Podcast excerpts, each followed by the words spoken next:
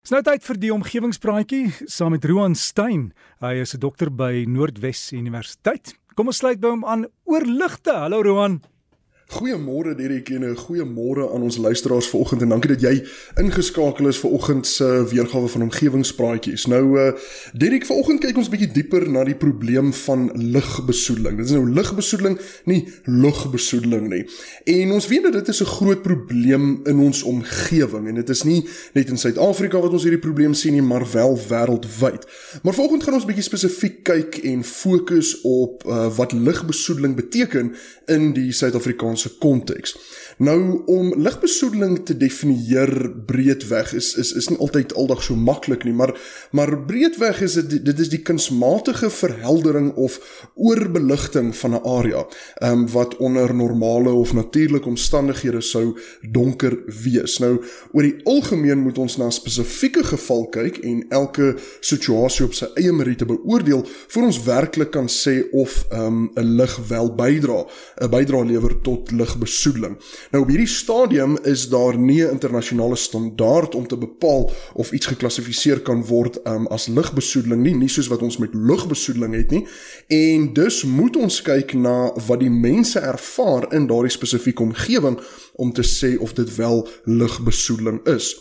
Nou, daar is 'n hele paar redes waarom ons lugbesoedeling tot 'n minimum wil hou en uh, ons kan 'n paar van hulle vanoggend bespreek en ek dink eerstens en dit is iets wat baie na in my hart lê as 'n ruimtefisikus, um, is vir ruimteobservasie doeleindes.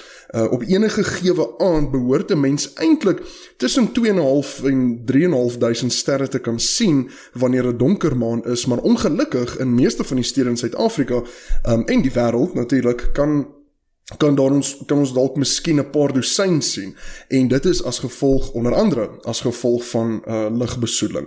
Nou om balans te gee aan die argument moet 'n mens ook seker vra waarom daar soveel ligte in ons omgewing opgesit word.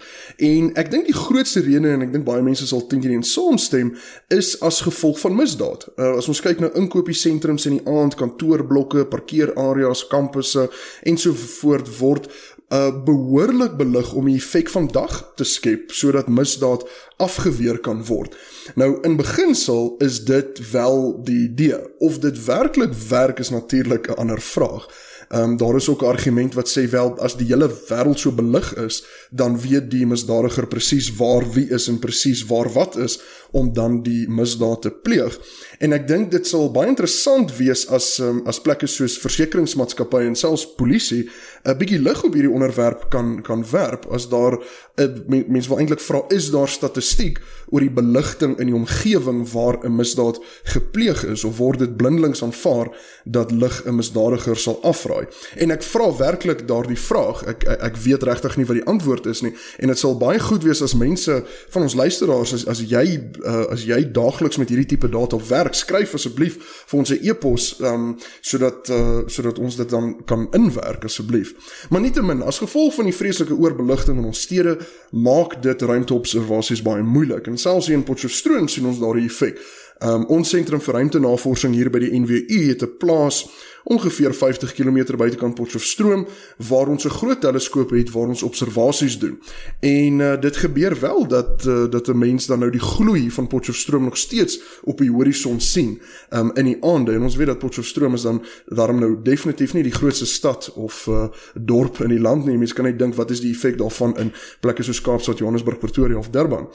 Nou um, Die vraag wat mense dan nou eintlik kon vra is dat uh, wat kan ons eintlik daaromtrent doen want ons weet die antwoord is om nie al die ligte af te sit en in die donker rond te tas en oor alles te val nie.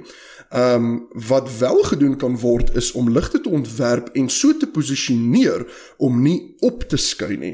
Ehm um, ons weet vir sekuriteitsdoeleindes moet ons 'n parkeerarea belig, maar maar daar is geen rede om die spasie bo die parkeerarea te belig nie.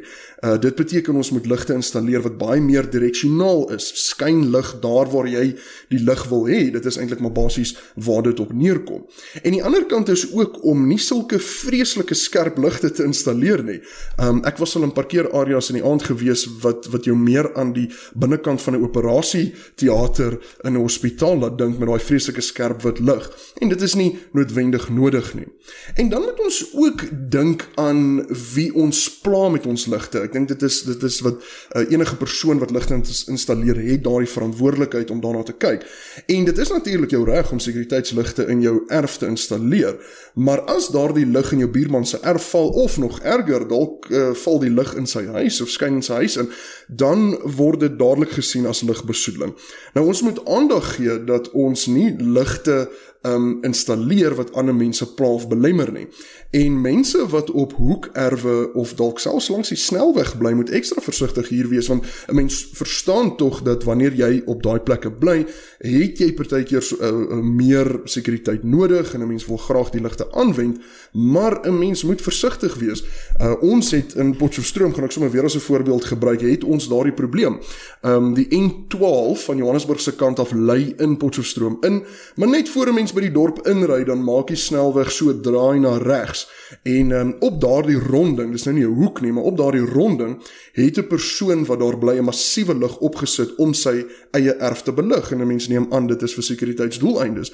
Die probleem is dat uh, as jy in die aand op die snelweg ry voor jy om daardie draai gaan, dan skyn daardie spreilig reguit in jou oë en verblind jou terwyl jy bestuur. En dit word definitief geklassifiseer as ligbesoedeling en is doodgewoon gevaarlik. En ons sien hierdie tipe ligte oral wat uh, wat opge, op, opgestel word langs snelweë, ehm um, en en en en hierdie ligte word opgestel en dit is nie uh noodwendig nodig nie. Um en dit is dit dit het 'n nadeel tot ons omgewing tot op die punt waar dit gevaarlik is vir motoriste om daar te ry. So as jy dalk 'n buitelug opgesit het, maak asseblief seker dat hy nie in die pad skyn of in die straat inskyn en en bestuurders um verblind op pad soontoe nie. So Die vraag wat ons natuurlik gevra het is wat kan ons doen? Die antwoord is definitief nie om al die ligte af te sit nie. Dit maak tog sin um, dat een van die kerneienskappe van 'n beskawing wat vooruitgaan is om lig te hê. Uh, ons het begin as 'n mensdom by vuur en nou is ons al by Times Square. En die oplossing is die bestuur van lig. Uh, ons kan begin deur onnodige ligte altyd af te skakel. Ons kan ligte beheer deur miskien 'n bewegingssensor te installeer. Ons kan miskien um, wegbeweeg van vreeslike skerp lig, 'n skerp wit lig af, amper hospitaal teaterligte soos wat ek nou-nou genoem het en 'n meer 'n warmer geel lig um, te installeer wat, wat wat in elk geval baie beter is um, vir ons oë. En ek dink 'n wenner om te kyk na is die houer waarin 'n lig gemonteer word, um, wat die skynrigting van die lig bepaal. Uh, daar is uh, vreeslike estetiese mooi ligmonterings wat goedgekeur is deur die International Dark Sky Association en hierdie monterings is spesifiek ontwerp om nie ehm um, die lig in die lug in te skyn nie. Ehm uh, maar waar dit in elk geval um, verlore gaan en 'n bydrae maak tot ligbesoedeling. So basies maak hierdie montering seker dat al die lig van daardie lig gefokus bly op die grond. So ten slotte Derek, uh, ligbesoedeling is sleg vir die omgewing, ons weet dit en ek maan almal aan om net 'n tweede keer te kyk na die buiteligte wat jy dalk buite geïnstalleer het en maak seker dat dit nie 'n probleem is vir die mense in jou omgewing nie, dat dit nie 'n probleem is vir die diere in die omgewing nie en dat dit oor die algemeen nie 'n probleem is vir die omgewing nie en maak seker dat daardie lig uh, dien die doel waarvoor jy hom opgesit het. Ek sê vir jou baie dankie Derek, baie dankie uh, luisteraars dat julle ingeskakel het en uh, hier 'n uh, vreeslike lekker naweek totsiens. Totsiens Roan en vir jou 'n lekker naweek. Uh, bly maar droog hier, is bietjie natterig plek plek val in julle omgewing. En dan as jy inligting het oor die die ligte en weet die die inbrake en dinge en en statistieke, jy kan vir hom stuur by omgewing by RSG omgewing.co.za dis die e-posadres vir die omgewingspraatjie. Dis omgewing by rsg.co.za